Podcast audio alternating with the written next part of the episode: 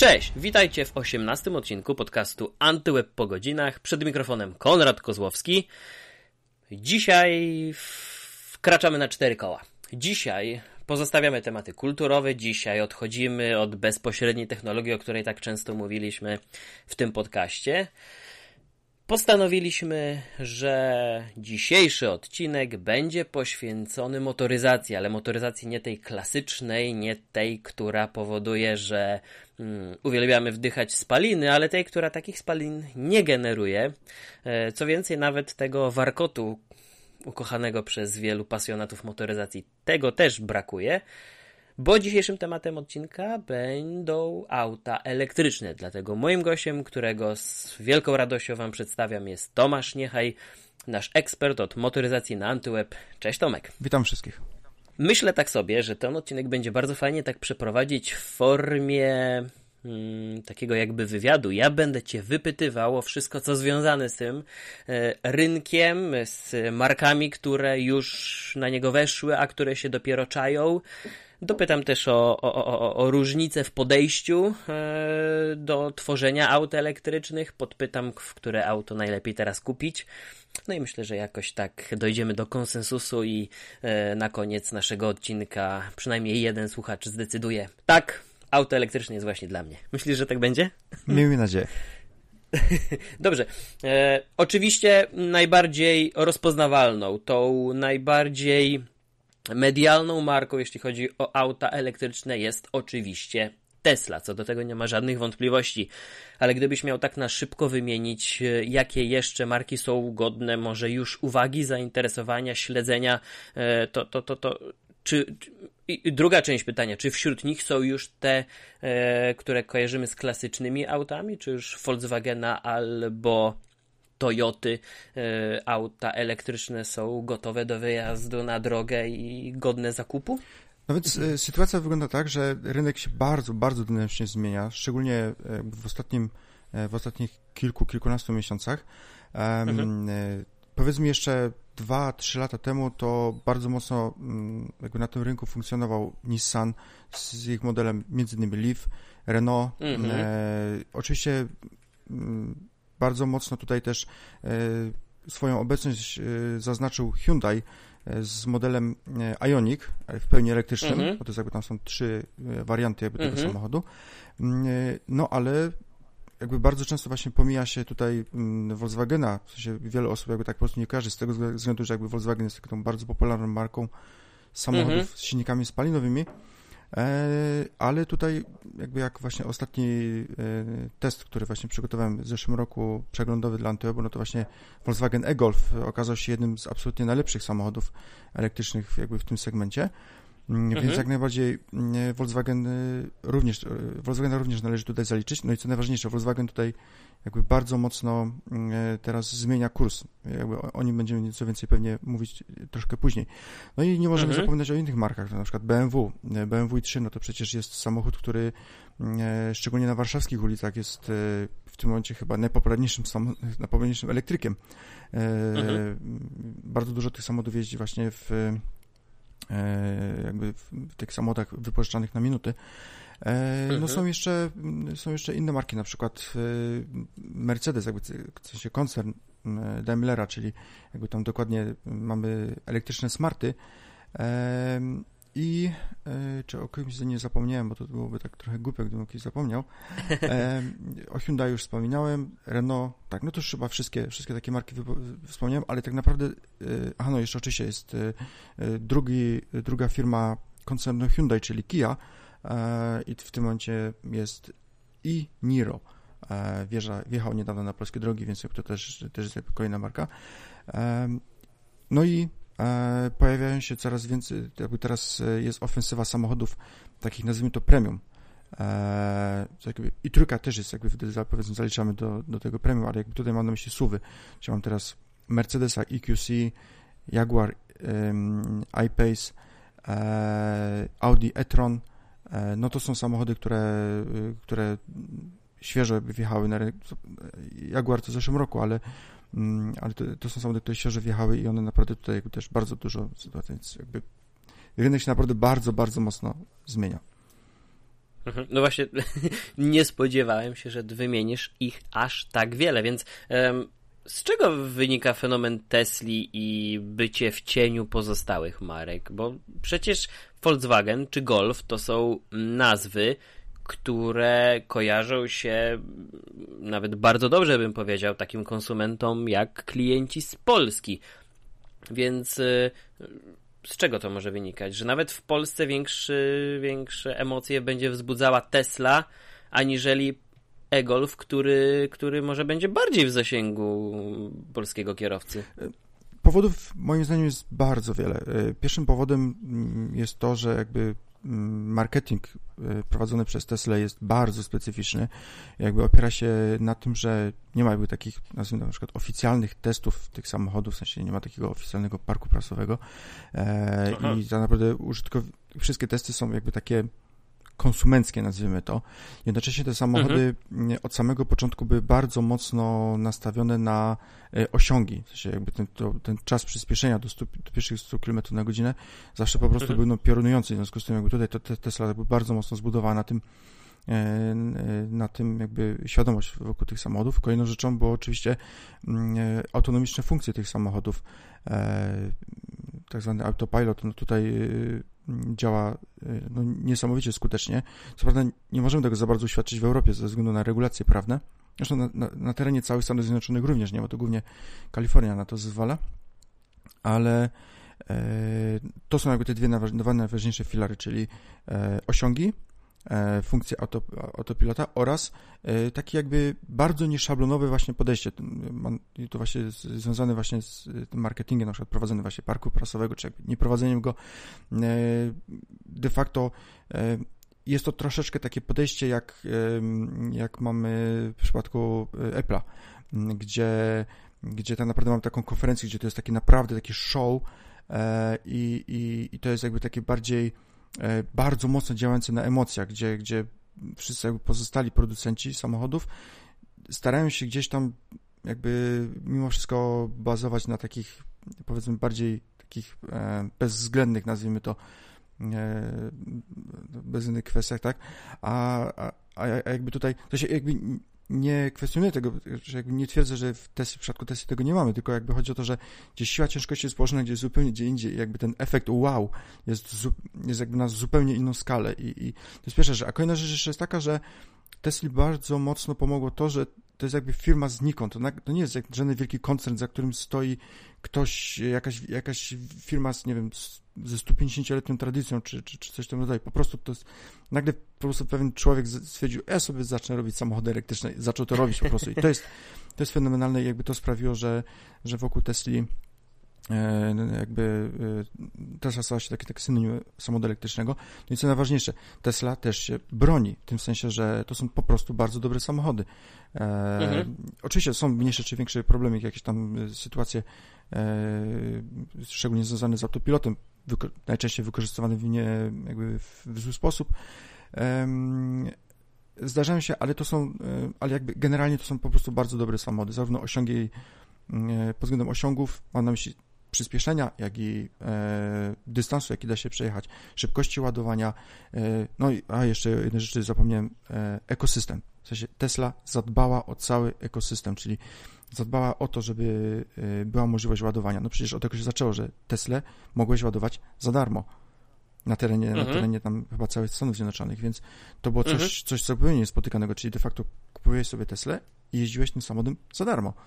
E, I jakby no jednocześnie y, mm, właściciel, e, on od samego początku kierował ten, y, kierował ten samochód do jakby takich mm, ludzi powiedzmy w wieku 20 kilka, 30 kilka, ewentualnie 40 kilka, którzy szukają czegoś naprawdę nietuzinkowego, którzy szukają, mhm. szukają czegoś, czym się po prostu mogą wyróżnić i Tesla im w 100% to dawała.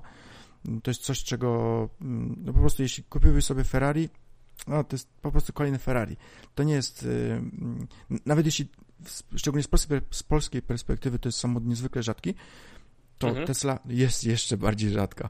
E, I to, co prawda w Stanach Zjednoczonych to już, w Stanach Zjednoczonych popularność Tesla jest już bardzo wysoka, ale, ale wciąż jest to samochód traktowany na zasadzie czegoś wyjątkowego, czegoś, czego tak łatwo, w sensie czegoś nietuzinkowego po prostu. Mhm. E, czy nadal tak jest y, z tankowanym w cudzysłowie Tesli? Znaczy, teraz już, teraz już się to zmieniło. E, prawdę mówiąc, nie wiem dokładnie, jakie są, jakie są teraz oferty, e, jeśli chodzi o Stany mhm. Zjednoczone. Kojarzy mi się, że tam jest chyba jeszcze przez jakiś, przez jakiś czas albo jakąś ilość, określoną ilość energii można podładować, mhm. ale, e, ale generalnie trzeba już teraz płacić. Co nie zmienia faktu, że to jest i tak oczywiście w kontekście e, kosztów e, utrzymania samochodu spalinowego jest, jest to oczywiście dużo niższe są. Mhm. No dobrze, czyli mamy Teslę, którą, jak sam wspomniałeś, ja miałem nawet o to za chwilkę zapytać, która jest um, takim Apple rynku motoryzacyjnego, można by powiedzieć. Um, no dobrze, ale skoro nie mamy salonów Tesli w Polsce, są na zachodzie, e, są w Skandynawii. Um, znaczy, jeśli mogę o tym... przerwać, znaczy one tak. są firmy, które prowadzą ale nie mamy oficjalnego przedstawicielstwa. Znaczy w tym momencie się to zmienia, bo to jest jakby, e, jesteśmy na etapie... Z, no to właśnie, to jak wygląda sama ta dostępność zakupu? Ktoś chce kupić Teslę, mieszkając w Polsce, będąc e, do tej pory, kierowcą. Jak do tej pory trzeba było jechać do Niemiec i kupić w Niemczech.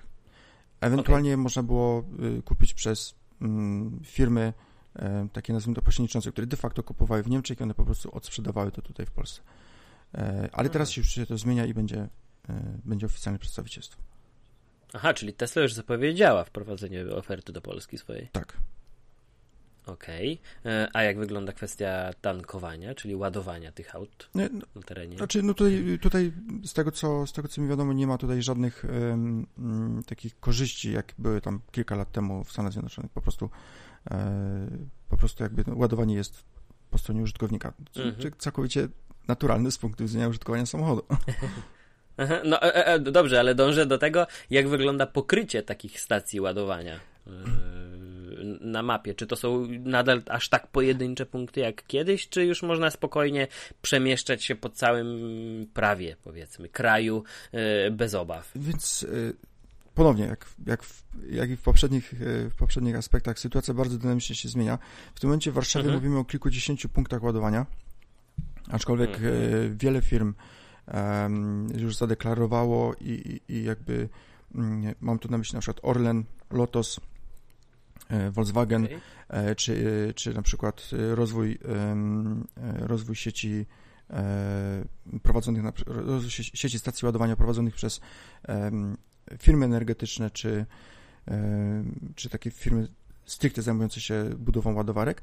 Mm, więc to się systematycznie zmienia. Dzisiaj jak najbardziej da się w zasadzie przejechać z dowolnego miejsca w Polsce do dowolnego, do, do dowolnego innego miejsca w Polsce z samochodem mhm. elektrycznym, aczkolwiek trzeba to robić ostrożnie i z, mm, z jakby z dużym takim, z dużą ilością jakby e, planowania zaplanowanych postojów. postojów. W tym sensie, że mm, e, w tym sensie, że trzeba naprawdę zaplanować sobie, gdzie ewentualnie może się mhm. zatrzymać, bo czasem może być tak, że tych ostatnich 100 km, czy nawet 150 km, które na przykład nam zostało w zasięgu, mm -hmm, to mm -hmm. nie jesteśmy w stanie na tym dystansie na przykład znaleźć tej ładowarki. Trzeba na przykład się ładować już w tym momencie, po to, żeby przejechać następne 300 czy 400 km, co jak najbardziej przy dzisiejszych samochodach jest, jest już jakby osiągalne, mm -hmm. ale, mm, e, ale generalnie da się na przykład przejechać powiedzmy, nie wiem, z Warszawy do Poznania, z Warszawy do Krakowa, nie wiem, z Krakowa do, mm, do Wrocławia. To jest już jak najbardziej osiągalne.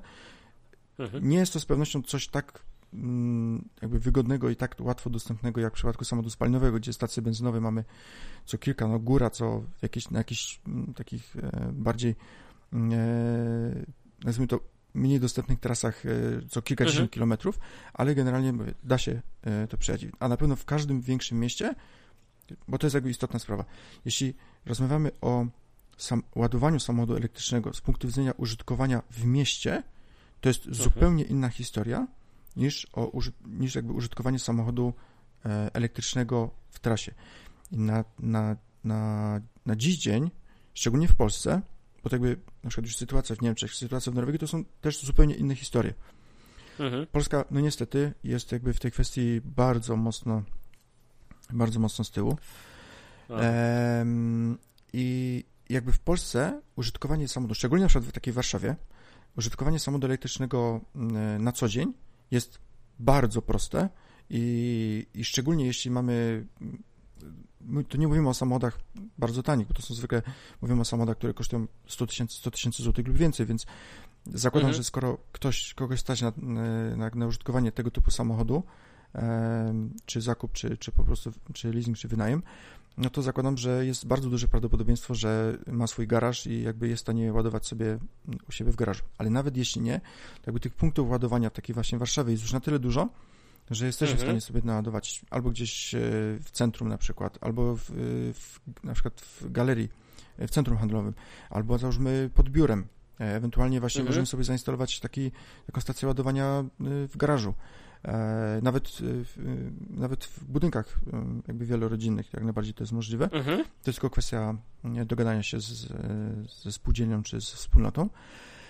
I jak najbardziej w mieście użytkowanie samochodu elektrycznego jest naprawdę bardzo, bardzo wygodne. Przy dzisiejszych zasięgach samochodów elektrycznych, np. taki e-Golf jak najbardziej jest w stanie przejechać 250-300 km w przypadku najnowszego Leafa Mówimy już o, o realnych mhm. zasięgach w okolicy 400 km, um, okay. więc realnie z punktu widzenia miejskiego użytkowania mówimy o zasięgu wystarczającym na tygodniowe podróżowanie.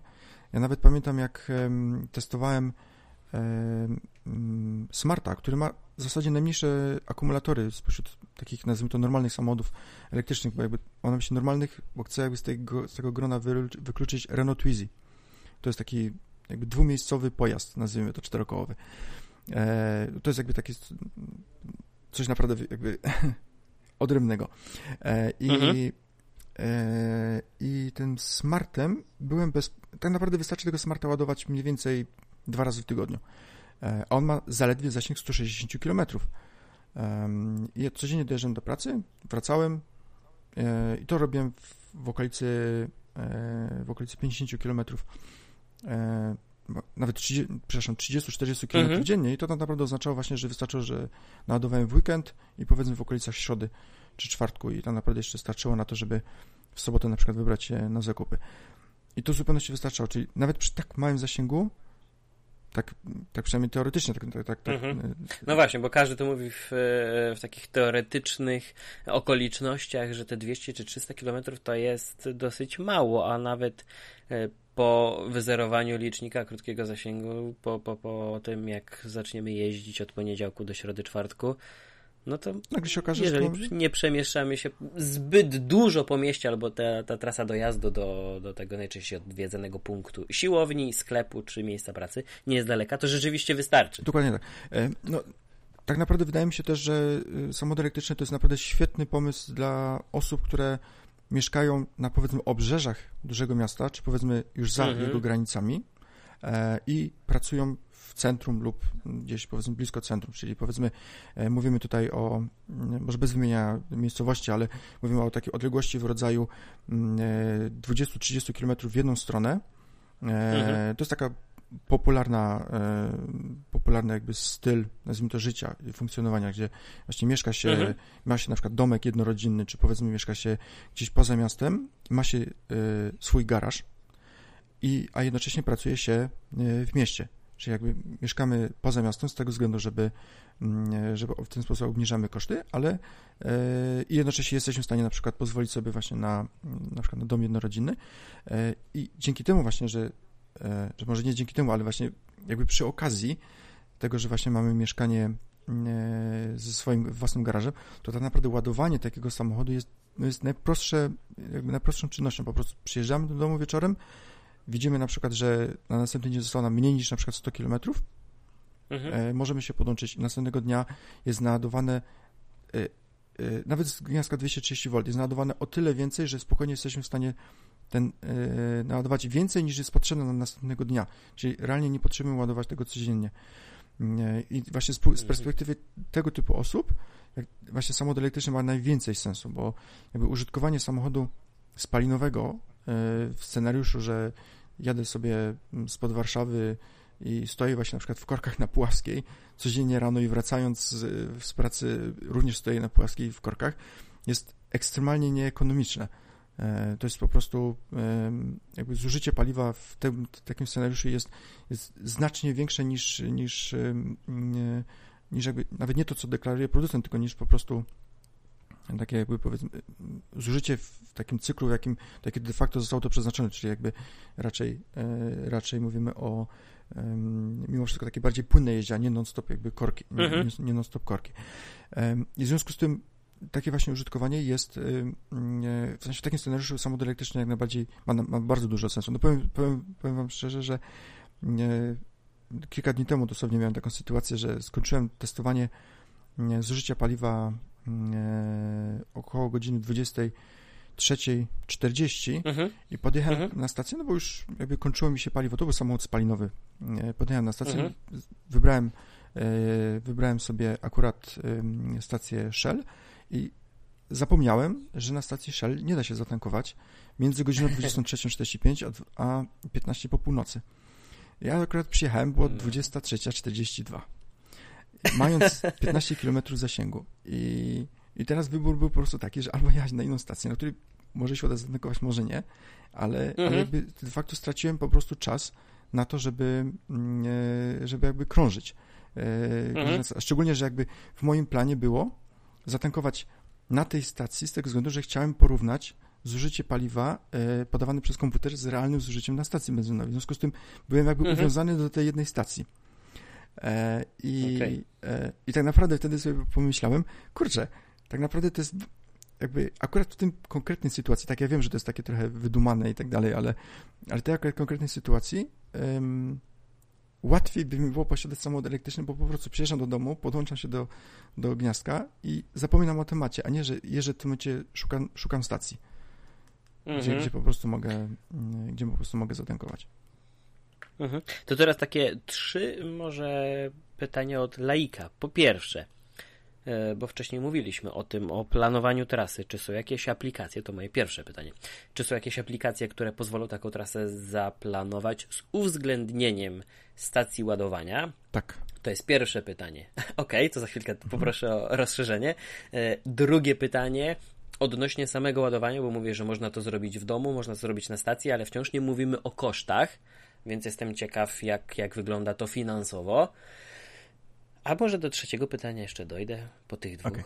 Tak, chyba tak zrobimy. Dobrze. To poproszę teraz. Dobrze, więc jeśli chodzi o e, taką możliwość planowania e, mhm. trasy z uwzględnieniem ładowarek, tak naprawdę m, wszystkie lub, a na pewno prawie wszystkie e, systemy nawigacji w tych samochodach elektrycznych, one właśnie uwzględniają e, ładowar, ładowarki, jakby miejsca ładowania, czyli w momencie, w którym na przykład stoimy w Warszawie i zaplanujemy sobie powiedzmy przejazd do Szczecina, od razu otrzymamy mhm. informację, że nie jesteśmy w stanie tam dojechać przy obecnym stanie naładowania akumulatorów. Okay. E, w związku z tym jakby od razu zostanie nam zaproponowana trasa alternatywna, e, jakby do ładowarki, która nam, czy jakby ta, taka trasa, która nam pozwoli przejechać mhm. tą trasę z uwzględnieniem właśnie ładowarek. Oczywiście, okay. oczywiście można to zrobić jeszcze, powiedzmy, bardziej taki nowoczesny sposób. Dzisiaj na przykład możemy mieć e, do większości właśnie tych e, samochodów elektrycznych e, są dostępne aplikacje na smartfon, które umożliwiają zarówno zarządzaniem, umożliwiają jakby zarządzanie ładowaniem, Czyli na przykład możemy sobie wybrać, mm -hmm. powiedzmy, do jakiego poziomu na przykład ma powinno się naładować, albo założmy, od której godziny się to powinno, czyli jakby programujemy sobie od, od, od kiedy do której godziny. Bo na przykład możemy mieć dwie taryfy. E, taryfę na przykład nocną właśnie możemy mieć e, e, zużycia prądu, w związku z tym możemy sobie ustawić na przykład, że powiedzmy samochód będzie się ładował od godziny 22 dopiero. Okay. Albo na przykład chcemy mieć te 100% dopiero o godzinie 7 rano. Mhm. No bo jakby chodzi o to, że to, co najbardziej szkodzi akumulatorom, to jest utrzymywanie ich na pełnym naładowaniu, czyli przy 100%. W związku z tym trzeba, najkorzystniej jest, że jeśli na przykład mamy, chcemy wejść do samochodu o godzinie 7, to żeby te 100% pokazało się o 6.59. Eee, jakby o to, o to jakby należy W każdym razie, apli Aha, aplikacje to... na smartfona, e, aplikacje na smartfona, e, które są dołączone, mm, zwykle po prostu są jako bezpłatna opcja lub po prostu jako wyposażenie standardowe do każdego, mm, czy tam do większości właśnie tych samochodów elektrycznych i mhm. można właśnie sobie wtedy zaplanować na przykład taką trasę E, i ją po prostu przesłać do samochodu. I po prostu siadając do samochodu, od razu jakby mamy już ustawione. Nie musimy jakby siedzieć i mm, w sam, już w mhm. samochodzie już po prostu fizycznie w nim grzebać e, jakby w, okay. w systemie multimedialnym. Po prostu już mamy od razu to ustawione. Czy jakby możemy sobie rano, nie wiem, jedząc śniadanie przed wyjściem, czy, czy, czy, czy po prostu przygotowując się, prostu, albo dzień wcześniej, zwyczajnie możemy to zrobić. Więc jak najbardziej takie coś jest możliwe. Mhm. A teraz y, mówiłeś, że wcale nie jest tak źle, ale chyba ta mniej mm, pozytywna strona, czyli koszty. Bo niby możemy ładować też w domu, możemy na stacji. I, i, i jakie to są kwoty? Tak, jak, nie, nie, nie wiem, jakiego punktu odniesienia użyjesz, ale tak, żebyśmy mogli sobie choć troszeczkę wyobrazić, okay. o jakich pieniądzach mówimy tutaj przy ładowaniu więc, auta elektrycznego. Więc najważniejsze, najważniejszą kwestią jest oczywiście ustalenie, o jakim mniej więcej samochodzie mówimy. Jeśli mówimy o samochodzie kompaktowym, czyli na przykład Volkswagen e-Golf, nie wiem, BMW i3, mhm. e, no to mówimy o zużyciu na poziomie 12, powiedzmy do 15 kWh na 100 km. Czyli mhm. nawet powiedzmy pesymistyczny wariant, 15 kWh, no to przy cenie około 65 groszy za kilowatogodzinę mhm. otrzymujemy do 10 zł e, za 100 km. Z kolei przejechanie 100 km samochodem spalinowym, silnikiem benzynowym podobnej wielkości, mhm. E, to jest wydatek w okolicy 35 zł. Samego tylko paliwa. Mhm. Samego tylko paliwa. Ale co istotne, bo to jakby wydatki na paliwo to jest jedna jakby strona, ale tak naprawdę e, to jest oczywiście jakby drugi temat bardzo obszerny, ale jakby warto o tym wspomnieć. Mianowicie w przypadku samochodu elektrycznego wydatki związane z jakby ze z ładowaniem są w zasadzie jedynymi wydatkami, jakie trzeba ponieść z tytułu użytkowania samochodu elektrycznego. E, mhm.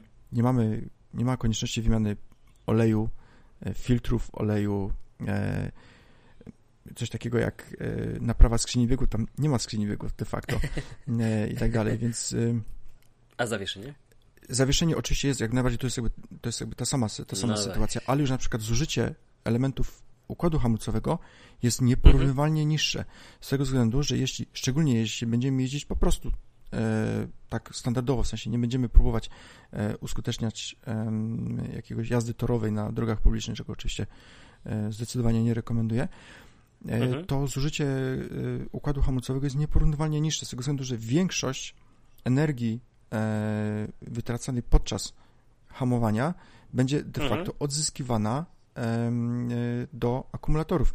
I w trakcie tego, w trakcie tego procesu de facto nie, przez większość tego jakby, e, przez większość tego czasu, czy przez większość dystansu nie będziemy używać mhm. układu hamulcowego. W efekcie na przykład po 100 tysiącach kilometrów w samochodzie elektrycznym klocki hamulcowe są zużyte może w połowie, być może trzeba będzie je na przykład wymienić, ale nie ma takiej sytuacji, że jak w samochodach spalinowych, gdzie klocki hamulcowe trzeba czasem wymienić co 20-30 tysięcy kilometrów. Mhm. Albo nawet częściej, to wszystko zależy oczywiście od temperamentu kierowcy. No tak. E, no to skoro wchodzimy już w takie bardzo szczegółowe rzeczy, to teraz jeszcze muszę zapytać mm, w przypadku zakupu takiego auta, jak wyglądają kwestie formalności? Domyślam się, że tutaj jakichś już wielkich e, odstępstw nie ma od e, standardowych zasad reguł. Mm, ale rejestracja takiego auta, później przegląd rejestracyjny i, i, i jak, też, jak, jak, tak, jak tego typu kwestie wyglądają? Na ten moment w zasadzie nie ma tu różnicy. Po prostu samochody elektryczne są traktowane jako samochody takie, nazwijmy to mało litrażowe, w sensie o bardzo małej pojemności. Mhm. Um, I nawet ubezpieczyciele, jakby znów, mówię znowu, w Polsce, bo za granicą to też wygląda troszkę inaczej. I to też będzie wyglądało w Polsce inaczej za rok czy za dwa. Um, okay. Ale na ten moment ubezpieczenie jest y, w zasadzie na podobnym poziomie, aczkolwiek są już ubezpieczyciele, którzy zwracają uwagę na to, że to jest samochód elektryczny i na przykład biorą poprawkę na to, że prawdopodobnie użytkownik samochodu elektrycznego będzie takim użytkownikiem bardziej uważnym, w związku z tym mniej jakby ryzykownym. E, okay. No i też jakby ewentualne naprawy takiego samochodu e, mogą być też realnie tańsze. E, oczywiście nie muszą być, no bo jakby jeśli dojdzie na przykład do, mm -hmm. do uszkodzenia całkowitego, na przykład uszkodzenia akumulatorów ale to wtedy jest po prostu szkoda całkowita, to jest jakby in, inna historia. Um, mhm. ale, e, ale jakby chodzi o to, że dzisiaj zakup takiego samochodu jest niestety przez polskie, polskie państwo nie jest w żaden sposób czy mam na myśli niestety z tego względu, że w jakiś sposób e, dobrze by było, żeby, te, żeby chociaż troszeczkę wspomagać jakby ten trend, ale nie jest e, nie jest w żaden sposób jakby tutaj wspierany. W związku z tym to jest mhm bardzo podobnie. Rejestracja przebiega bardzo podobnie i tylko, e, mm, tylko różnica jest taka, że wiadomo, nie mierzą nam czystości spalin na, na przeglądzie rejestracyjnym. Aha, ale każda typowa stacja diagnostyczna może się podbić pod takim przeglądem, tak? Czy musimy się wybrać do specjalistycznej? Y, z tego, co mi wiadomo, y, zdecydowana większość tak. Z tego względu, że tak naprawdę y, Aha. te standardowe standardowe jakby, to co jest sprawdzane na takiej, podczas takiego przeglądu, -hmm. to jest stan hamulców, stan zawieszenia, czy nie ma, czy nie ma luzów, czy jest weryfikacja oświetlenia samochodu, to są wszystko takie standardowe elementy, które mamy mm, w każdym samochodzie, -hmm. w związku z tym to się -hmm. jakby nie różni. Różni się właśnie kwestia tylko i wyłącznie właśnie, czy nie ma wycieków, tutaj jakby w przypadku samochodu elektrycznego tych potencjalnych punktów wycieku jest zdecydowanie mniej, więc, więc jakby siłą rzeczy też jest, też jest jakby o to, mm, e, o to jest jakby łatwiej. No i jakby nie trzeba mierzyć e, tej czystości spalin, więc jakby ponownie e, nie ma tutaj żadnej jakiejś takiej mm, specjalnej. Aczkolwiek już na przykład samo serwisowanie samochodu no, może wymagać już jakby bardziej specjalistycznych mhm. nazwijmy to punktów, z tego względu, że do wielu, do wykonania wielu czynności trzeba mieć E, trzeba mieć certyfikat na możliwość pracy przy wysokich napięciach. No właśnie, czyli tutaj się już zaczynają schodki. Dlatego moje kolejne pytanie, zanim przejdziemy do samego przeglądu, powiedziałbym, rynku i e, zanim przejdziemy do momentu, w którym będziemy wybierać moje następne auto, to, to chciałbym właśnie zapytać, bo do tej pory niemalże, niemalże każdy element, każdy punkt, o którym mówiliśmy, brzmi zachęcająco. Dlatego, bo wydaje mi się, że są takie e, punkty. Gdzie są te schody, tak naprawdę? Na co należy zwrócić uwagę? Z czym będziemy się zmierzać jako potencjalni i jako aktualni posiadacze auta elektrycznego? Więc tak, moim zdaniem, jeśli ktoś na planuje dziś zakup samochodu elektrycznego jako jedyny jego samochód i planuje tym, planuje tym samochodem jeździć w trasę, to nie jest to najlepszy pomysł, biorąc pod uwagę dzisiejsze, e, dzisiejsze samochody.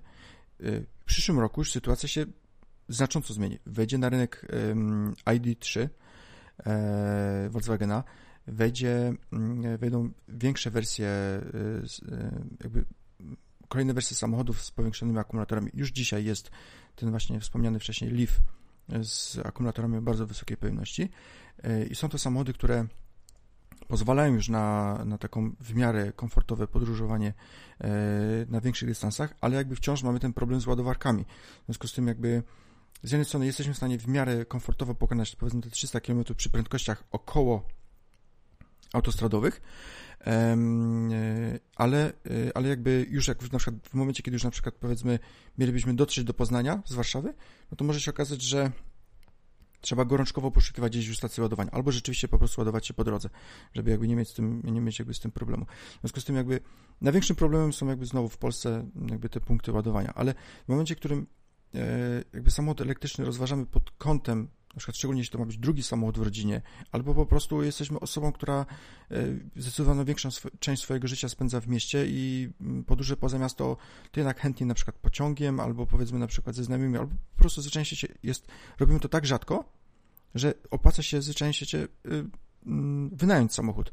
E, na przykład ja z mojego, z mojego punktu widzenia absolutnie y, jak najbardziej mógłbym mieć samochód elektryczny, bo tak rzadko wyjeżdżam w dłuższą trasę poza miasto, że w takich w innych celach niż powiedzmy testowanie samochodów, że, e, że jak najbardziej na te, na te, w związku z tymi okolicznościami mogę sobie po prostu wynająć samochód. I tak naprawdę jest to dużo tańsze rozwiązanie niż posiadanie samochodu e, spalinowego z dużym zasięgiem, na przykład z silnikiem diesla, którego przez 98% czasu użytkowałbym w mieście co realnie by się odbiło bardzo negatywnie zarówno na kosztach użytkowania, jak i na jakby zużyciu takiego samochodu.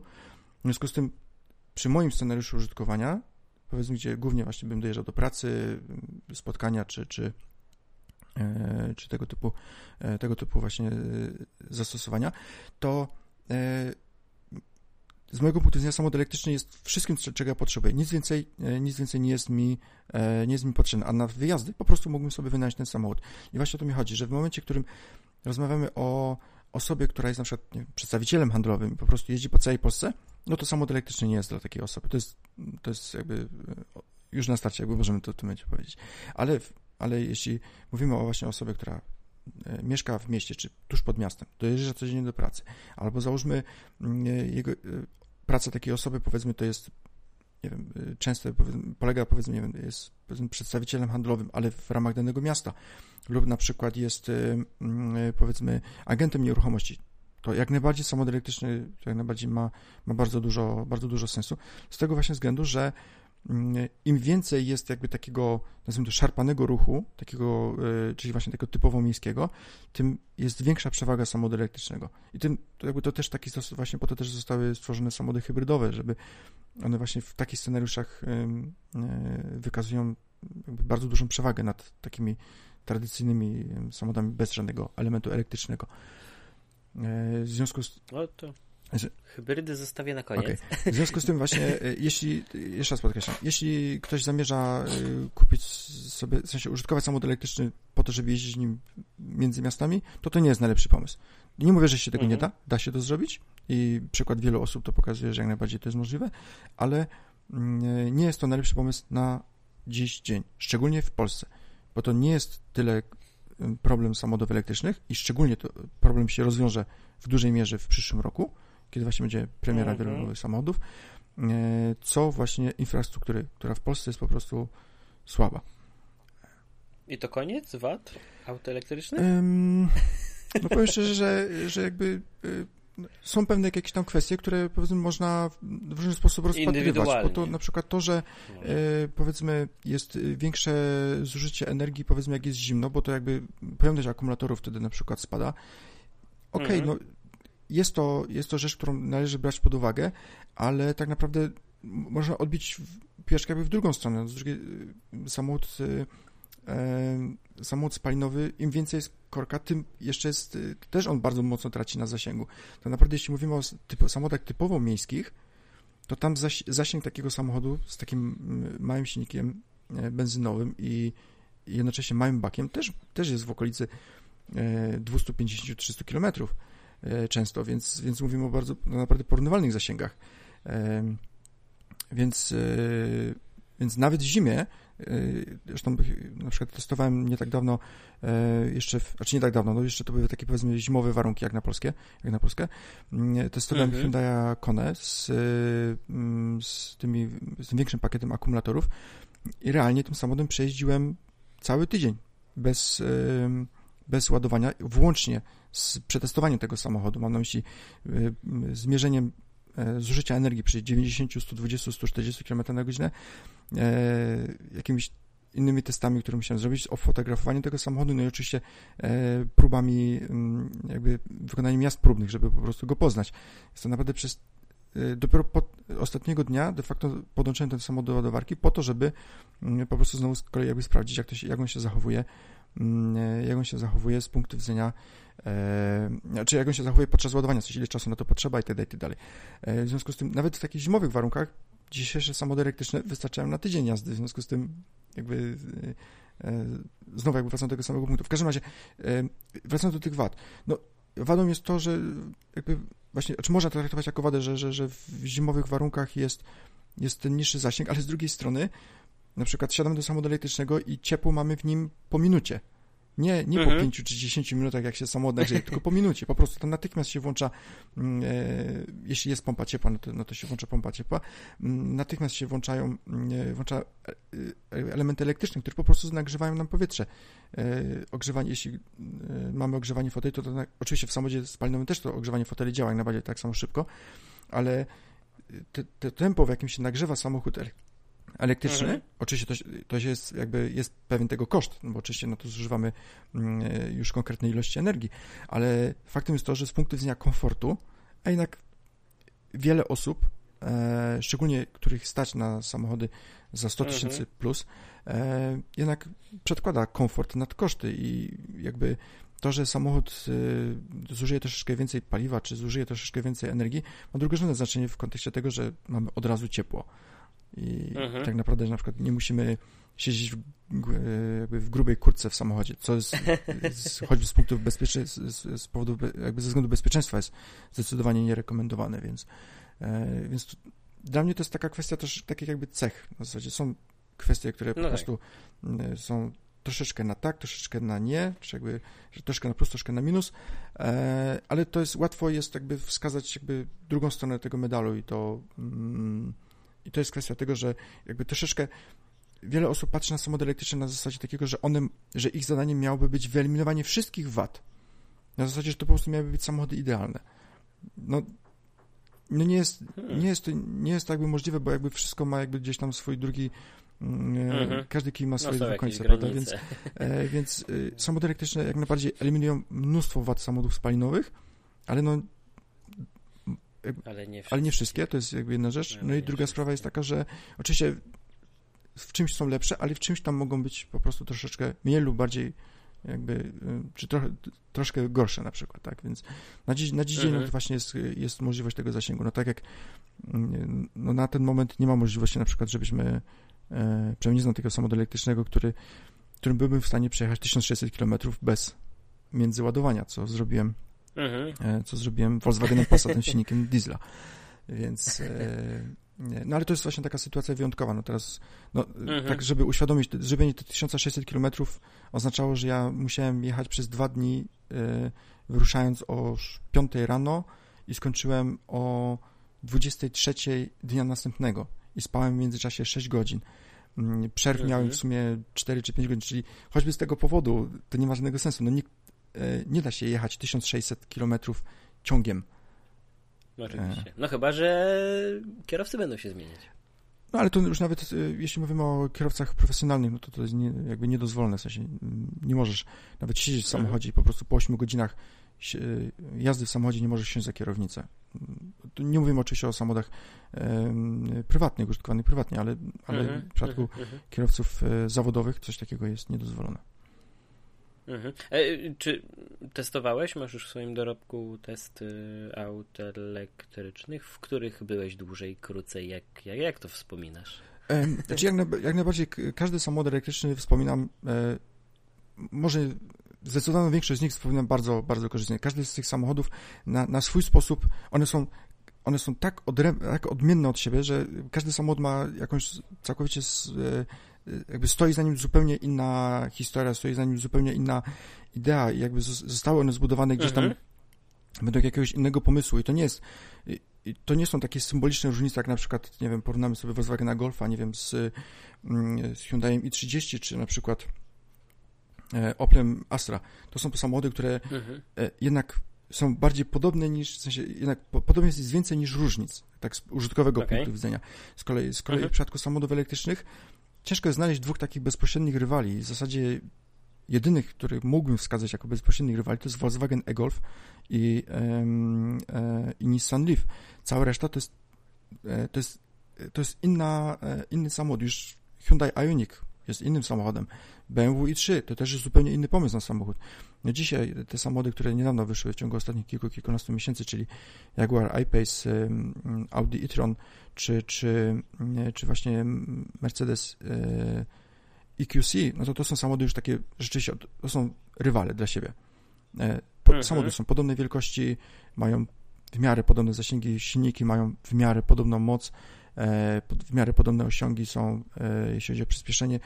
W związku z tym to są, to są jakieś, tam, jakieś tam sposób rywale, ale jeśli mówimy o tych samochodach, szczególnie których testowałem na przykład w zeszłym roku, no to każdy samochód elektryczny był po prostu inny, na tyle, że, że w każdym samochodzie byłem jak najbardziej e, byłem w stanie znaleźć coś, coś takiego ciekawego, coś odrębnego, coś, co, co mnie bardzo mocno zainteresowało i, i, mm, i co po prostu sprawiało, że, że po prostu się cieszyłem. Nawet e, na przykład niesamowicie, niesamowicie pozytywnie wspominam e, Smarta elektrycznego. To jest bardzo fajny, mały samochód, ale jednocześnie w zupełności wystarczający właśnie do użytkowania miejskiego mm, który jest zwinny, szczególnie właśnie z, mhm. z napędem elektrycznym. On ma tam zaledwie 90 koni, ale po prostu mm, e, ta zwinność dzięki napędowi elektrycznemu sprawia, że e, no, jazda w takim stylu, nazywam, nazywam to taki Tetris, czyli takie dynamiczne po prostu, dynamiczne mm, gdzieś w, jazda między, nazwijmy to, między samochodami z, bezpieczne, z, jakby zachowanie bezpiecznej mhm. odległości, to jest właśnie coś, coś, coś, czego bardzo ciężko jest osiągnąć nawet w dużo mocniejszych samochodach, bo, bo tutaj ten, ten moment przyspieszenia jest natychmiastowy, więc operując w takich miejskich prędkościach, czyli powiedzmy do 50 czy ewentualnie do 70, gdzie są jakieś odcinki e, z podwyższoną prędkością, no to właśnie jak najbardziej to jest, e, jest bardzo łatwo osiągalne. E, I to się odbywa tak naprawdę realnie bardzo małym kosztem i nie ma szarpania, nie ma wycia itd., tak itd., tak więc... Szarpanie, nie ma wycia. No to ładnie podsumowałeś te klasyczne samochody. Wiesz, wiesz ja, ja, ja nazwijmy to, e, w sensie, ja lubię taką no klasyczną dobrze, motoryzację dobrze. w tym znaczeniu, że, e, że bardzo lubię ten taki klasyczny dźwięk silnika, jak najbardziej lubię tą, mhm. tą klasyczną, klasyczną taką, taką powiedzmy mechanikę, ale z drugiej strony, jak, jak pojeździsz troszeczkę samochodem elektrycznym, to naprawdę cieszysz się, że nie musisz myśleć po prostu, czy skrzynia biegów, automatyczna, którą wybrałeś w twoim samochodzie, do samochodu, do silnika mhm. spalinowego, czy ona jest na tyle dobra, że ona ci będzie satysfakcjonowana na co dzień. Czy ona zmieni bieg, y, zmieni przełożenia o taką liczbę, o jaką ty oczekujesz w momencie, kiedy wciśniesz pedał gazu na 3 czwarte, e, i tak mhm. dalej, i tak dalej. To są wszystko kwestie, wiesz, i czy, i, i, i, wiesz, przestajesz myśleć po prostu, czy ja teraz mogę przycisnąć, czy, czy jeszcze olej w silniku nie jest odpowiednio nagrzany. Czy na przykład, wiesz, czy ja już mogę teraz włączyć silnik, bo teraz jechałem forsownie, w związku z tym może jeszcze mhm, turbina mhm. nie jest schłodzona. I te wszystkie problemy po prostu kompletnie znikają w przypadku samochodu elektrycznego. E, znaczy problemy w tym znaczeniu, że nie musisz o tym myśleć. To jest, to jest, to jest coś, co w przypadku samochodów spalinowych jest całkowicie naturalne dla wielu użytkowników, ale, e, ale w momencie, kiedy właśnie będziesz miał okazję pojeździć samochodem elektrycznym, to jest po prostu taka przyjemność połączona z mm, taką, nazwijmy tego, taką pozytywną ignorancją. Dlatego pozytywną, że po prostu możesz być ignorantem, a mimo to po prostu nie zepsujesz tego samochodu, bo po prostu mm, nie musisz myśleć o tym, że trzeba olej wymienić, właśnie, że trzeba poczekać, aż się on rozgrzeje i milion innych rzeczy, o których o których z punktu, mhm. jest, jest świadom teraz tego, że osoby, które mnie słuchają, które są użytkownikami samochodów spalinowych, szczególnie, które są lepiej zorientowane, one po prostu to będzie mówią, co ten gość mówi, po prostu przecież to jest całkowicie naturalne i jakby to nie stanowi żadnego problemu, ale, ale tak naprawdę właśnie to jest, to jest ta sama historia, jak przesiadaliśmy się z DOSa do, e, do Windowsa okienkowego. E, przecież to wtedy były te same... No to jest bardzo śmiałe. Ale to jest ta sama historia. Przecież e, ludzie, którzy e, mieli pierwszą styczność z Windowsem, mówili, ale po co mi to? Przecież ja sobie mogę pisać komendę, prawda? No tak, a tutaj mogę sobie zmieniać te biegi. No i tak dalej, i tak dalej. Także to jest ta sama historia. Zresztą, y, zresztą ten, sam, y, ten sam, jakby nazwijmy to, opór materii był w kwestii, jak wchodziły smartfony, czy, czy jak kolejne mhm. Mm, funkcje w Windowsie są na przykład gdzieś bardziej pochowane i, i Windows jest coraz taki bardziej prosty w użytkowaniu, co z punktu widzenia bardziej zaawansowanych użytkowników okazuje się, że jest problemem, bo z mojego punktu widzenia na przykład też jest tak, czy ma wiele takich mhm. sytuacji, mhm. co zmienia faktu, że jakby po pewnym czasie się po prostu przyzwyczajamy i tak naprawdę doceniamy. No jeśli dzisiaj e, byśmy posadzili 98% kierowców jeżdżących po polskich drogach w samochodzie z lat 70., mhm. to naprawdę by docenili e, postęp, jaki, jaki, jaki, się, e, jaki uczynił, uczyniła cała branża w mhm. kwestii zawieszenia, w kwestii hamulców, w kwestii takiego takich po prostu poczucia bezpieczeństwa i komfortu. To jest, to jest, to jest po prostu przepaść i, i po prostu samochód elektryczny jest po prostu tym jakby kolejnym etapem. Jest, w moim odczuciu jest takim jednym, jest bardzo dużym skokiem, takim, takim skokiem mm, jak wprowadzenie kilku systemów bezpieczeństwa jednocześnie, czyli jak na przykład e, mówilibyśmy nagle z przesiadki na przykład samochodu bez ABS-u, z hamulcami bębnowymi do mhm. samochodu z ABS-em, z, tarczo, z hamulcami tarczowymi i z y, e, ESP. To, to jest, dla mnie to jest taki przeskok i uważam, że to jest y, tego rzędu, y, tego rzędu różnica. Mhm. No to dobrze, no to teraz już tak konkretnie. Które auto najlepiej teraz kupić? Elektryczne.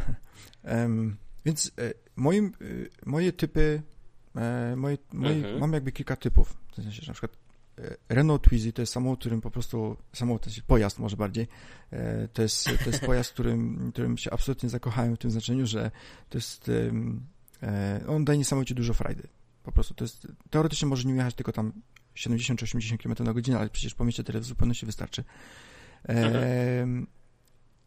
Nawet biorąc pod uwagę właśnie te podniesione, podniesione prędkości, a, a po prostu takie poczucie ten samochód nawet nie ma e, kontroli trakcji, nie ma ABS-u, więc, więc, więc to, jest, to, to jest już naprawdę takie, właśnie są takie właśnie bardzo mechaniczne doznania. Nie ma też wspomagania mhm. układu kierowniczego, więc skręcenie kierownicy jest naprawdę bardzo takie, bardzo twarde, trzeba się naprawdę bardzo mocno postarać, ale właśnie to, jakby to zaangażowanie, jakie, jakie wywołuje w, u kierowcy jest, jest, jest naprawdę niebywałe. Mhm. No i to jest samochód, to jest pojazd bardzo tani, znaczy jak na samochód elektryczny, bo, bo to mówiła o kwocie gdzieś w okolicy 50 tysięcy złotych. E, okay. Ale y, już przechodząc do takich, nazwijmy to, normalnych samochodów, mhm. no to smarty. One się zarówno e, Smart 4.2, jak i 4.4 mm, to są samochody, które absolutnie e, bardzo, bardzo mi się podobają i uważam, że z punktu widzenia użytkowania miejskiego są w zupełności wystarczające ten zasięg i są jednocześnie bardzo takie sympatyczne, tak to bym nazwał, w bardzo komfortowe w użytkowaniu i, i, i po prostu zwinne. Jednocześnie ich cena jest bardzo um, sensowna, bo one mhm. zaczynają się od około 100 tysięcy, a już dobrze wyposażony samochód kosztuje 120.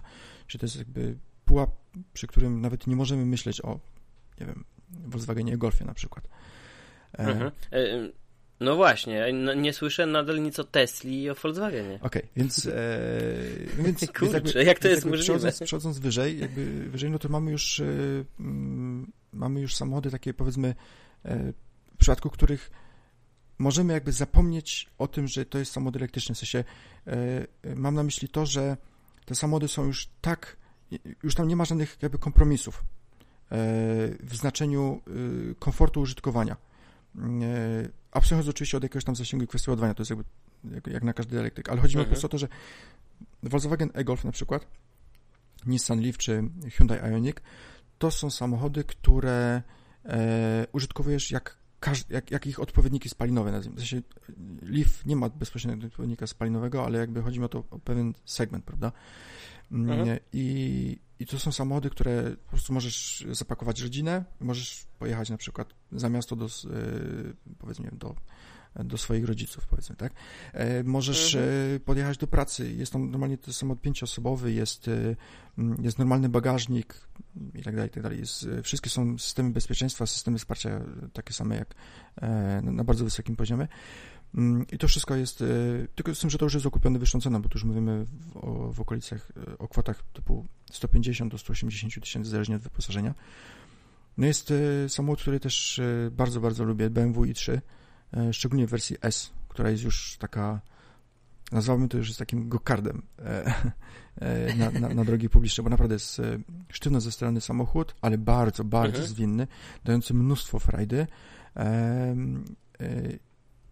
ale to już nie jest samochód, to jest samochód, który, mm, e, który jakby stawia takie doznania wynikające z użytkowania samochodu elektrycznego na pierwszym miejscu, a takie jakby komfort życia, nazwijmy to komfort życia codziennego, już to jest jakby odsunięte mhm. jakby na drugi plan. Chodzi właśnie o to, że na przykład to właśnie twardsze zawsze. To nie jest, w sensie jak najbardziej mm, e, polecam każdemu wypróbować, e, szczególnie każdemu, kto mieszka w Warszawie lub w okolicach, wypróbować właśnie mm, poprzez wypożyczenie takiego samochodu właśnie na minutę y, są te i trójki. Y, one są, one są większe od, od i3S, mhm. ale właśnie ten, te wrażenia po prostu tego przyspieszenia, tej, tego natychmiastowej reakcji są, y, są niemalże takie same, więc, mm, więc jak najbardziej to, to jest samochód, który w sensie trudno nie być przekonanym do samochodu elektrycznego po przejażdżce i trójką. Może tak. Wow. Szczególnie, że, szczególnie, że to jest jeszcze samochód, on jeszcze ma tylny napęd, i co prawda jest niewyłączalny ESP, ale to uczucie e, e, pchania, a nie e, pchania przez tylne mhm. koła, a nie ciągnięcia przez przednie jest, jest jak najbardziej odczuwalne, w związku z tym jest to coś, co, no i biorąc pod uwagę, że ten samochód jest taki nieco wyżej zawieszony, to też jadąc po zakrętach ma się takie wrażenie, kurczę, on naprawdę łamie prawa fizyki. Więc, no, no, i, wow. no i y, gdzieś już w tym rejonie zaczynamy y, rozmawiać o jakby bliźniakach koncernu Hyundai Kia, czyli Eniro oraz Kona. I to są, mhm. to są naprawdę bardzo dobre samochody. Mm, zarówno pod względem, że jako pojazd elektryczny, że to jest po prostu bardzo mhm. dobry pojazd elektryczny, jak i samochód. Bo to jest jakby też istotne, bo to są, są samochody w sensie są pojazdy elektryczne, które są spoko jako pojazd elektryczny, ale nie są fajne jako samochód. Taki na co dzień. E, uważam. Ciekawe rozróżnienie. E... No to dobrze, ale czy, no to, bo tak słucham, słucham i te, to autko jest fajne pod tym względem, to jest pod tym, to możemy kupić z takiego powodu, a to już w ogóle jak kupimy tego, to mm, nie bierzemy pod uwagę powrotu do silników spalinowych. E, to czy jest jakieś takie auto elektryczne, które się nie udało? i zatonęło na tym rynku, albo mimo wszystko jest sprzedawane, a nie cieszy się popularnością? Gdzie te nieudane projekty? Nie było takich? Znaczy, były. No na przykład yy, uważam, że takim projektem, który nie do końca się, nie do końca się udał, był na przykład Volkswagen e-up.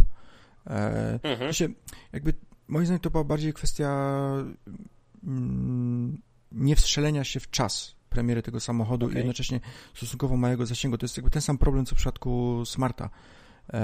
Samochód ma stosunkowo mały zasięg, realnie w zupełności wystarczający, ale e, ale mm, e, ale na tle konkurencji? Ale jakby nawet właśnie nie o to chodzi, tylko po prostu takie postrzeganie tego, w jaki sposób są postrzegające się, że większość ludzi po prostu wymaga, ja chcę mieć przynajmniej te 250-300 km zasięgu, mhm. po prostu sprawia, że, że, że było małe zainteresowanie tym Volkswagen, e, tym, tym, tym małym Volkswagenem, ale jakby sytuacja mhm. w tym momencie się już zmienia, bo już są, już jest większy pakiet akumulatorów, E, jakby na bazie, na bazie tego samochodu powstanie Skoda elektryczna, jak i Seat mhm. i to jak najbardziej będą e, już jakby moim zdaniem to już jest niemalże pewne, że jeśli tylko wycena nie, nie będzie sensowna, to mhm. tak najbardziej to będą bardzo, bardzo w porządku samochody.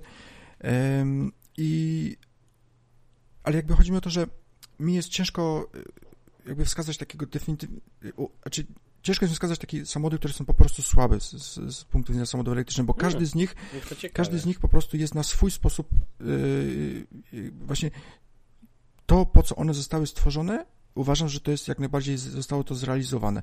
I jeśli będziemy yy, próbować na przykład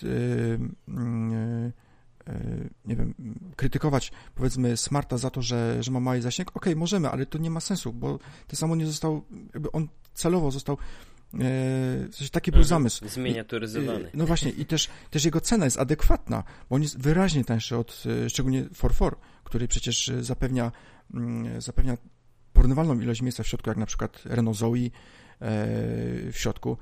W miarę porównywalną, mhm. oczywiście tak, się jestem świadom tego, że Renault Zoe jest, jest, jest większe, ale, ale tak z punktu widzenia takiego miejskiego, codziennego użytkowania, w sumie to jest podobnie.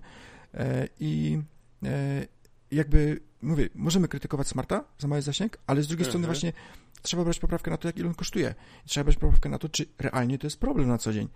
E, I uważam, że jak najbardziej to jest e, bardzo, bardzo w porządku samochód. Mm, e, czy na przykład będziemy, nie wiem, powiedzmy krytykować wspomniane Renault Zoe na przykład za to, że, że ma takie stosunkowo takie powiedzmy miękkie zawieszenie, które po prostu totalnie nie zachęca do sportowej jazdy, no w porządku, no ale znowu, czy to samo został stworzony do sportowej jazdy? No nie. Czy, wiesz, czy, czy będziemy mhm. krytykować e, BMW 3S za to, że jest e, sztywne i e, bardzo takie zwarte? No, też uważam, że nie, no bo po prostu ten samochód został stworzony właśnie do tego, żeby dawać tą właśnie mm, frajdę. To jest po prostu takie, mhm. jeśli jeśli jakby y, BMW ma dawać radość z jazdy, to BMW i3S daje niesamowicie dużo tej elektrycznej radości z jazdy. To jest po prostu esencja tego, co, y, co tego, tego samochód powinien, powinien y, dawać. I, i, i, i uważam, że i3S jest, jest dokładnie tym samochodem, który, mm, którym miał być. W sensie, że, że jeśli chcę kupić samochód, który nie, nie wyręcza mnie w każdej, w każdej rzeczy, w sensie nie, nie będzie to samochód, który, mm, którym po prostu zniknę gdzieś e, w gąszczu innych samochodów, którym będzie jechał mhm. za mnie sam, e, tylko właśnie samochód, który będzie mnie zachęcał do tego, żebym go prowadził, żebym mm, po tym zakręcie troszeczkę szybciej pojechał, żebym spróbował jego możliwości, gdzieś może nawet pojechał być może na tor, czy coś w tym rodzaju. No to to jest właśnie samochód, który, mm, który jak najbardziej to umożliwia i to jest i, i, i nie rozpatrywałbym tego, że na przykład, nie wiem, BMW i3 jest na przykład gorsza albo lepsza od e-Golfa. To jest po prostu inny samochód. I mhm. porównywanie jednego do drugiego to jest, to jest trochę jak, mówię, te samochody elektryczne są tak różne od siebie, że to trochę jakbyśmy rozmawiali, um, co jest lepsze, nie wiem, tam Lamborghini Urus, czy na przykład um, Ferrari um, takie coupe, mhm. czy, nie, albo nawet nie, no, SUV, SUV sportowy, czy, czy, czy po prostu takie, to nie są samochody, które się które się, które się porównuje. Znaczy, oczywiście jestem świadom tego, że spotkałem raz człowieka, który mm, zastanawiał się, e, ostatecznie kupił Alfa Romeo Giulię, a rozważał e, Skodę Superb, co dla mnie nie są, to, to, to, to zupełnie nie jest, e, nie są samochody porównywalne ze sobą, w sensie, one są podobne mhm. cenie, ale realnie jakby, jeśli jestem zainteresowany Giulią, to nie jestem zainteresowany Superbem i odwrotnie, e, uważam, e, ale ale jakby zmierzam właśnie do tego, że, e, że te samochody są właśnie tak odmienne i jednocześnie zdecydowana większość z nich jest po prostu dobrze zrobiona w, e, e, z punktu widzenia tych celi, po co one mhm. zostały stworzone. Osobną kwestią jest to, czy one, czy te cele, powiedzmy, były podzielane przez, przez potencjalnych klientów. Mhm. Bo to na przykład jest właśnie okay. sytuacja związana na przykład właśnie z, z, z e-golfem i na przykład Leafem. Mhm. Leaf cały czas wyglądał odmiennie. On po prostu się wyróżnia na ulicy. Przez wielu był krytykowany za to, że po prostu jest brzydki. Nie wiem, mi jest ciężko to oceniać. Ja nigdy się nie wypowiadam na to, czy auto jest ładne, czy nie jest ładne. Po prostu to zostawiam w gestii mm, użytkowników, czytelników. Mhm. Nawet, że mogę po prostu powiedzieć, czy samochód mi się podoba, czy nie, ale jakby zwykle, zwykle jakby tego nie robię. Nie zmienia to faktu, że e, Volkswagen e-Golf, który wyglądał jak każdy inny Golf, on w zasadzie, mhm. jeśli, jeśli nie jesteś dziennikarzem motoryzacyjnym albo naprawdę jakimś osobą, która się po prostu interesuje żywą motoryzacją, to nie jesteś w stanie mhm. odróżnić e-golfa od spalinowego. To jest, to jest naprawdę, musisz po prostu wiedzieć, na co popatrzeć. Musisz po prostu wiedzieć, że tam jest jakiś, że jest wzór świateł LED w zderzaku jest po prostu inny. E, to, to, to mhm. się do tego, do tego to się sprowadza. Mm, e, I jakby to sprawiło, moim zdaniem, że, e, że właśnie e-golf że jednak więcej osób chciało samochodu elektrycznego, który się wyróżnia. I w związku z tym chętniej mhm. wybierali na przykład BMW i3 lub Nissana Leaf zamiast e-Golfa. I nawet jeśli e-Golf, powiedzmy, w wielu obszarach, bo, bo, w wielu obszarach jest lepszy od tych samochodów, to mhm. mimo wszystko jego sprzedaż nie była tak dobra jak tamtych samochodów. I upatruję tego właśnie w tym, że ludzie po prostu nie chcieli e, kupować samochodu elektrycznego, który po prostu wygląda tak jak normalny Golf. I moim zdaniem to, co właśnie mm, Volkswagen w tym momencie robi, czyli mm, że w przyszłym roku zobaczymy właśnie mm, e, ten ID3 e, pewnie mhm. on się, już wiemy, że on się będzie kompletnie e, jakby odcinał, on się odcina od, od jakby wyglądu Golfa. I to właśnie moim zdaniem Volkswagen jakby zrozumiał, w sensie to był właśnie ten, ten argument, że oni wiedzieli, że po prostu zrobili dobry samochód elektryczny, ale, mhm. ale nie byli w stanie go jakby skutecznie sprzedawać właśnie z tego względu, że, że po prostu on się nie wyróżniał. No bo mhm. zauważ, że ten... E, tak? Bo tak sobie teraz się zastanawiam, bo do wyboru jest tego całkiem sporo, a mówiłem, że e, będę przechodził do hybryd, więc tak naprawdę już mając całą tą wiedzę, mm, którą zgromadziłem podczas rozmowy, e, zacząłem się zastanawiać, czy w ogóle w takim razie na rynku jest teraz miejsce i czy jest po prostu sens inwestować e, w samochód hybrydowy. I kto powinien to zrobić? Ponownie, tu sytuacja jest taka, że samochód hybrydowy jest dla określonej grupy odbiorców i dla tej grupy odbiorców jest naprawdę mhm. świetnym rozwiązaniem. Jeśli mm, e, jeździsz głównie po mieście, ale w miarę często wyruszasz w trasę, no to jednocześnie Y, masz, nie wiem, pieniądze, miejsca i tylko na przykład chcesz mieć tylko jeden samochód, nie dopuszczasz sytuacji y, z takiego czy innego względu, że, że masz dwa samochody na przykład, mhm. no to samochód hybrydowy jak najbardziej ma sens. Y, no tutaj jak najbardziej liderem jest oczywiście Toyota, której hybrydy, hybrydy tego koncernu są, są po prostu bardzo dobre. Mhm. Szczególnie po ostatniej aktualizacji, mam na myśli tutaj 2,5 litrowy E, silnik jak dwulitrowy, który znajduje się w Coroli. I są to samochody z punktu widzenia właśnie użytkowników którzy oczekują takiego bardziej rodzinnego charakteru, takiej możliwości właśnie, że tego, tym samym samochodem, którym na co dzień będą dojeżdżać do pracy, oni również wybiorą się po prostu nad morze czy w góry mm, i mhm. nie muszą po prostu zastanawiać się, e, gdzie tutaj jest jakaś stacja ładowania, no to to jest świetne rozwiązanie. Z drugiej strony e, jest wiele samochodów hybrydowych, gdzie e, oszczędność paliwa, czy, mm, czy powiedzmy jakiś taki wizerunek eko jest całkowicie na drugim miejscu. To jest jakby na pierwszym miejscu są osiągi. I dobrym mhm. przykładem są tutaj propozycje Porsche. E, testowane przeze mnie Cayenne, czy, czy, ten sam napęd jest w, jest oczywiście też w sportowym, e, w sportowym samochodzie Porsche, jak i, jak i na przykład w, też w, w, w Panamerze. E, mhm. No to to są samochody nastawione na osiągi. Czyli ten napęd hybrydowy tam jest głównie po to, żeby, mm, żeby e, jakby podnieść e, przyspieszenie do, do 100 km na godzinę, czy przyspieszenie po prostu, czy po prostu mhm. E, podnieść takie wrażenia z jazdy. Oczywiście inną sprawą jest to, że hybrydowy Cayenne jest zaskakująco oszczędny, no bo to, to auto potrafi z pustymi akumulatorami zużyć poniżej 8 litrów na 100 km, gdzie mówimy przecież o aucie dużym suwie, który ma, waży 2,5 tony. Więc to jest w ogóle mhm. super rewelacyjny wynik. Mm, e, w każdym razie, jak najbardziej miejsce na hybrydy wciąż jest. To jest mm, jakby rynek motoryzacji jest, jest właśnie piękny, dlatego że tutaj e, jakby każdy może znaleźć coś właściwego dla siebie. Jeśli, jeśli podoba Ci się design takiej marki, możesz iść w tą markę i tak naprawdę masz tam jeszcze bardzo, duży, bardzo dużą możliwość penetracji E, jeśli chodzi o paletę silników, jeśli chodzi o osiągi, jeśli chodzi o mm, e, kształt e, nadwozia, możliwości, funkcje itd., itd. Tak jest mnóstwo możliwości. Jak porównuje się świat, porównuje świat IT do świata motoryzacji, to dla mnie to jest mhm. Mm, znaczy oczywiście zależy jeszcze w, w jaki dokładnie obszar popatrzymy, ale generalnie jakby takie rozdrobnienie i takie, takie zróżnicowanie samochodów jest tak duże, że E, że naprawdę każdy jest w stanie, czy tam zdecydowana większość użytkowników, no chyba, że mamy nie, nierealne oczekiwania w rodzaju chcę mieć 600 koni za 50 tysięcy złotych, e, to każdy jest w stanie po prostu znaleźć e, jakby propozycję dla siebie i naprawdę taką bardzo, bardzo interesującą i, i, i właśnie to samo jest właśnie w kwestii właśnie samochodów elektrycznych, hybrydowych, tak zwanych miękkich, miękkie hybrydy mm, to wszystko jakby sprawia, że mamy, tą, mamy, duże pole, mamy duże pole do manewru. Ja sobie naprawdę wyobrażam, mm, e, mam znajomego, który, e, który w tym momencie rozważa zakup Priusa e, Plusa. Po prostu ma bardzo dużą mhm. rodzinę, ale jednocześnie chce hybrydę. I on nie ma w tym momencie nie ma ciekawej alternatywy w postaci samochodu elektrycznego na przykład. Z drugiej strony nie chce, głównie się porusza po mieście.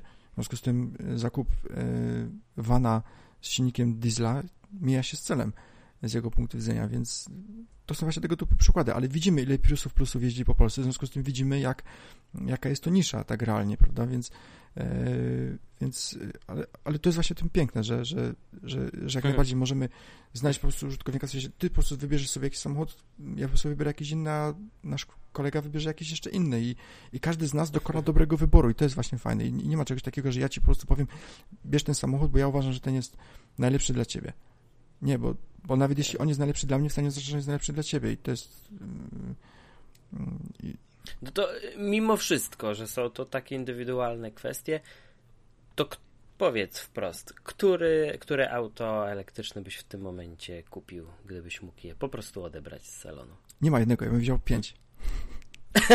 naprawdę, naprawdę. Ja osobiście wziąłbym sobie Twizy, Smarta, e-Golfa, Kone, i3S, e, no to, to no. tak jakbym siebie słyszał, który telefon byś Konrad kupił. No tak. Też bym powiedział, że każdy po kolei. Naprawdę, każdy z samochodów bym, e, bym sobie innego, innego dnia po, po prostu, bym, sobie, bym sobie po prostu jeździł i, e, i, naprawdę uważam, że to są, to są naprawdę świetne samochody. Z drugiej strony na przykład jak ostatnio też właśnie jeździłem Audi e-tronem, no po prostu komfort w tym samochodzie, no to jest po prostu coś niebywałego. Tylko to jest po prostu drogi samochód, więc to jest e, mhm. e, oczywiście adekwatnie jakby do, do, jakby do swoich mhm. możliwości, jakby klasy, mhm. bo to mówimy o naprawdę już luksusowym samochodzie, ale e, ale właśnie tak naprawdę, właśnie mówię, miałbym po prostu frajdę w każdym z tych samochodów. do każdego samochodu po prostu bym wsiadał z, uśmie z uśmiechem na twarzy. Jest jak najbardziej bym e, nie potrafiłem po prostu wybrać tego jednego. E, no dobrze, to teraz już tak. E, no chciałem jakoś ładnie podsumować i tak naprawdę poruszyliśmy tak wiele tematów, że już mam ochotę zacząć grzebać, doszukiwać się i doczytywać, bo, bo, bo skoro rzeczywiście, po prostu wydaje mi się, że u wielu, wielu osób jeszcze obawa przed zakupem auta elektrycznego jest bardzo duża z tak wielu względów. E, I choć oczywiście nie ma możliwości, żebyśmy nawet tu siedząc przez kolejne dwie czy trzy godziny omówili wszystko na temat każdego z to tych aut, które jest dostępne. No właśnie. Więc każdy też musi zrobić jakiś tam research y, sam dla siebie. Ale wydaje mi się, że już jest chyba takim całkiem niezły moment, żeby takie, takie auto nabyć, jeżeli oczywiście możemy sobie na to pozwolić. E, I na koniec chciałem zapytać Ciebie o najbardziej wyczekiwane premiery aut elektrycznych w najbliższ, na przestrzeni najbliższych kilku miesięcy. Czy tutaj będziemy mówić właśnie o takich niuansach, detalach, nowych modelach, które będą mm, powstawać z konkretnych idei w odpowiedzi na konkretne oczekiwania, e, czy to już będzie na przykład na przestrzeni kolejnego roku, tych 12 miesięcy Czekamy może na, jakąś rewolucję od kogoś? Ktoś to zapowiedział? Jak najbardziej. Tutaj wydaje mi się, że największym graczem będzie po prostu Volkswagen. I, i tu. E, Okej, okay, tego się nie spodziewałem. Tu naprawdę jakby zaangażowanie Volkswagena e, w kwestię elektromobilności jest gigantyczne. Zarówno jeśli chodzi o finanse, jak i chodzi, jak i w kwestii tego, co jakby realnie za te pieniądze nie chcą zrobić.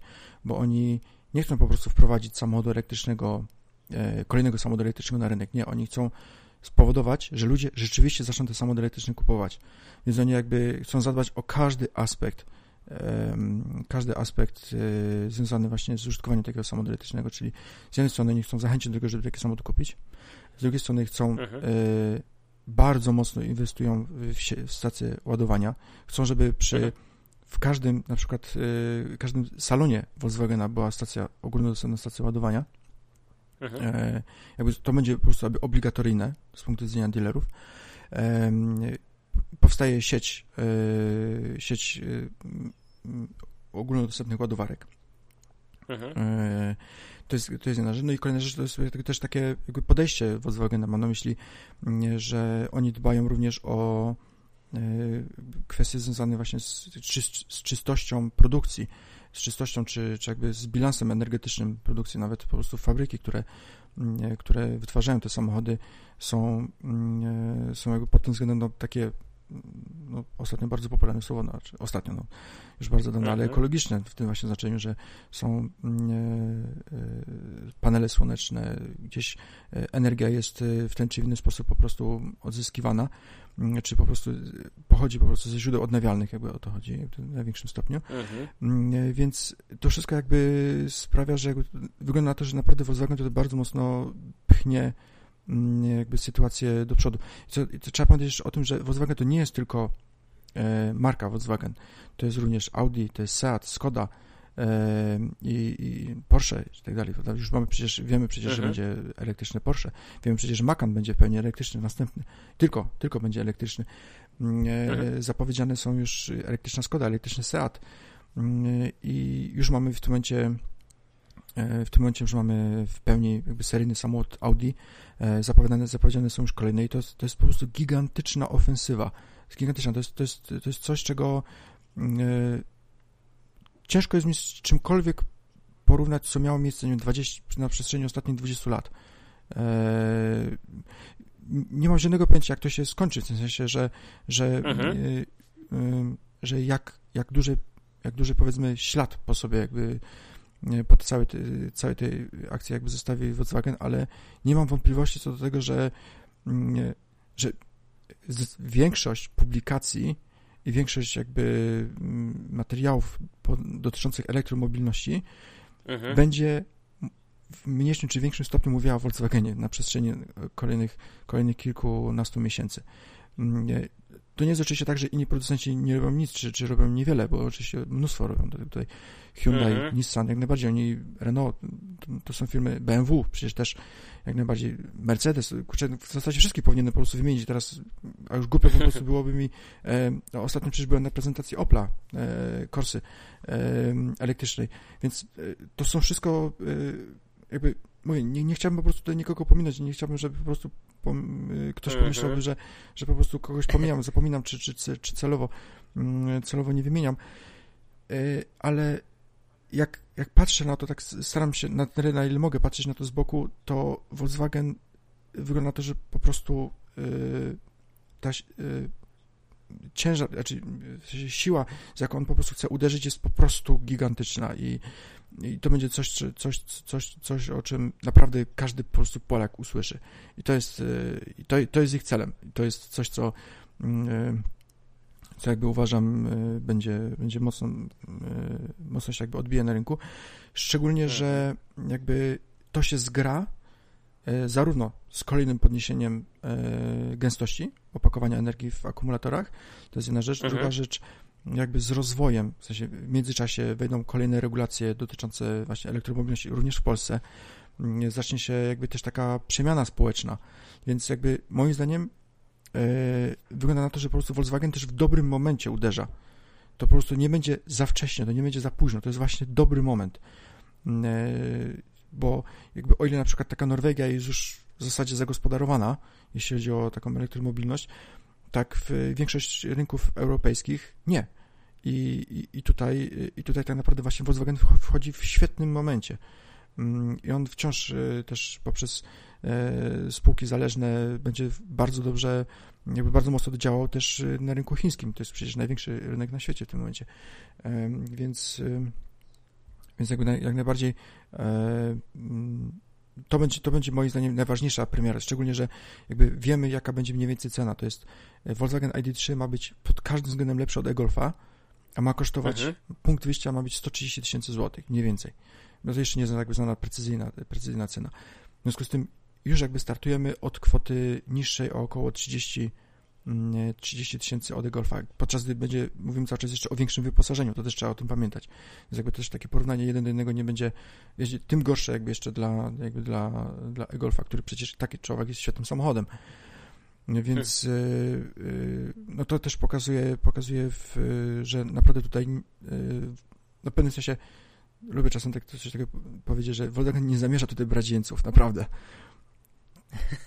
No, nie sądziłem, że dojdziemy do takiego momentu, mówiąc o autach elektrycznych, kiedy będę, kiedy będziesz mi zapowiadał, że mam się najbardziej czujnie przyglądać temu, co będzie robił Volkswagen, bo przecież oczy całego świata cały czas są, mi się wydaje, zwrócone na to, co się dzieje z Teslą, a szczególnie po tym, jakby nie patrzeć, troszeczkę blamarzu Volkswagena, o którym no też echo Oczywiście. się to, to, to, no to nie wiem, nie wiem, jak, jak to będzie odebrane. Mi się wydaje, że już tak dużo osób no tym zapomniało. No, patrząc, tak jak o wielu tak, innych Patrząc rzeczach. na statystyki sprzedaży, no niewiele osób to przejęło, yy, więc... No i chyba najbliższe porównanie będzie e, do tego, co się dzieje w świecie polityki, gdzie co chwilkę mamy jakiś skandal, a no cóż, nie wielkich przewrotów, wielkich przewrotów yy, nie ma.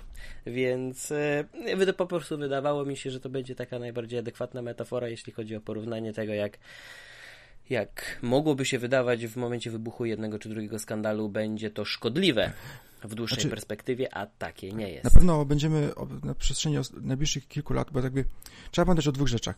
Pierwszą rzeczą jest to, że y, taka bardzo mocna ofensywa samochodów elektrycznych, nie ma na myśli tylko Volkswagena, ale generalnie wszystkich jakby mhm. marek, wynika w dużej mierze oczywiście z, z zmian klimatycznych, do których jakby my doprowadziliśmy i również y, z tego względu, mhm. że jakby chcąc za maksymalnie jakby je zmniejszać między innymi Unia Europejska nakłada po prostu coraz większe restrykcje na producentów samochodów w kwestii mhm. tego mm, e, emisji e, CO2 szczególnie.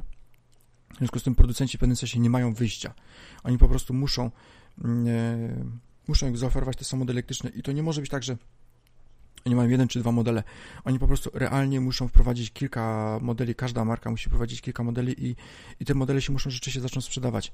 Mm, e, w związku z tym e, to jakby z tego, to jest jakby jeden z jakby powodów, dlaczego w sensie, wiadomo, koncerny motoryzacyjne, nie tylko koncerny motoryzacyjne, ale każdy, każda firma jej celem jest po prostu zarabianie pieniędzy, prawda, więc, e, mhm. ale, ale realnie oni jakby funkcjonują, wszystkie firmy jakby funkcjonują w jakimś, w jakimś otoczeniu i jakby to otoczenie w tym momencie e, zmusza do tego, żeby do tych zmian i e, po części ze względu na to, na te regulacje, po części dlatego, że jakby klienci też tego oczekują i po części dlatego też, że jest to rzeczywiście potrzebne, mm, e, to jakby właśnie jest, obserwujemy właśnie tą wielką ekspansję E, e, już w tym momencie tych samochodów elektrycznych, w kierunku elektromobilności. No i przez najbliższe, no i w ciągu, sądzę też, że będziemy obserwować pewien taki pojedynek, jeśli chodzi o pojazdy elektryczne z akumulatorami kontra mhm. pojazdy elektryczne z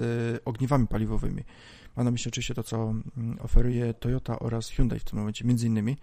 E, Honda również ma e, taki napęd. Znaczy, generalnie wielu producentów ma, ale jakby niewielu producentów oferuje samochód w seryjnej sprzedaży, mm, bo ogniwa wodorowe to też zapowiada się bardzo interesujący, mm, interesujący jakby rozdział w historii mhm. motoryzacji i tak podejrzewam, że to może być, że jakby samochody elektryczne z akumulatorami to mogą być takie samochody benzynowe dzisiejsze, w sensie, że, że, to, będą, że to będą samochody benzynowe przyszłości, że jakby akumulatory mhm. będą w samochodach, takich dzisiejszych samochodach przyszło, yy, benzynowych, zaś w tych zastosowaniach, w których dzisiaj sprawdza się diesel, to tam będą ogniwa paliwowe, bo, czyli jakby wszystkie y, ciężkie samochody, autobusy, mhm. y, ciężarówki, y, czy po prostu samochody, które będą się poruszać głównie na większych trasach, nawet przy dynamicznym wzroście pojemności akumulatorów wciąż i tempie nawet ładowania, bo to, jakby to też jest jakby istotna sprawa, bo nie zapowiada się na to, żebyśmy w najbliższym czasie byli w stanie ładować samochód elektryczny do choćby 80% w mniej niż pół godziny. Mhm. Z różnych powodów. To są w sensie zarówno kwestie techniczne po stronie samego akumulatora, jak i po stronie źródeł E, prądu, mhm. E, to jest moim zdaniem spora właśnie szansa, że, w, że właśnie ogniewa paliwowe to, będą taki, to będzie taki diesel przyszłości. E, takie, takie mam wrażenie i jakby kluczem do tego wszystkiego będzie, Volkswagen zresztą też mówi wprost, my nie odcinamy się od ogniw paliwowych, rozwijamy jak najbardziej to, ale my dzisiaj my dzisiaj potrzebujemy już teraz samochodów elektrycznych, a już teraz możemy zrobić na mm, e, e, akumulatorach, w sensie z użyciem akumulatorów. Technologia wodorowa, w sensie ogniw paliwowych, ogniw wodorowych nie jest jeszcze na tyle rozwinięta, żeby ich zdaniem, żeby stosować e, w, w samochodach takich powiedzmy popularnych. Mhm. I też, no też, też jest duża kwestia, o której jakby też wcześniej wspominałem, która wynika z tego, co wcześniej powiedziałem, czyli po prostu tego mhm. z kosztów jakby produkcji, że zrobienie dzisiaj samochodu elektrycznego z akumulatorami jest po prostu nieporównywalnie tańsze i nieporównywalnie łatwiejsze od samochodu wodorowego, więc, y, y, więc jakby e, to też są jakby te powody, ale jakby musimy na to też mieć to na względzie, żebyśmy też lepiej rozumieli zmiany, które właśnie w najbliższym czasie nadchodzą. W związku z tym mhm. właśnie jak najbardziej wyobrażam sobie, że mm, wszystkie lub prawie wszystkie samochody miejskie w przyszłości będą miały właśnie akumulatory, zaś e, ciężkie generalnie samochody, transport, to będą e, samochody mhm. wodorowe po prostu.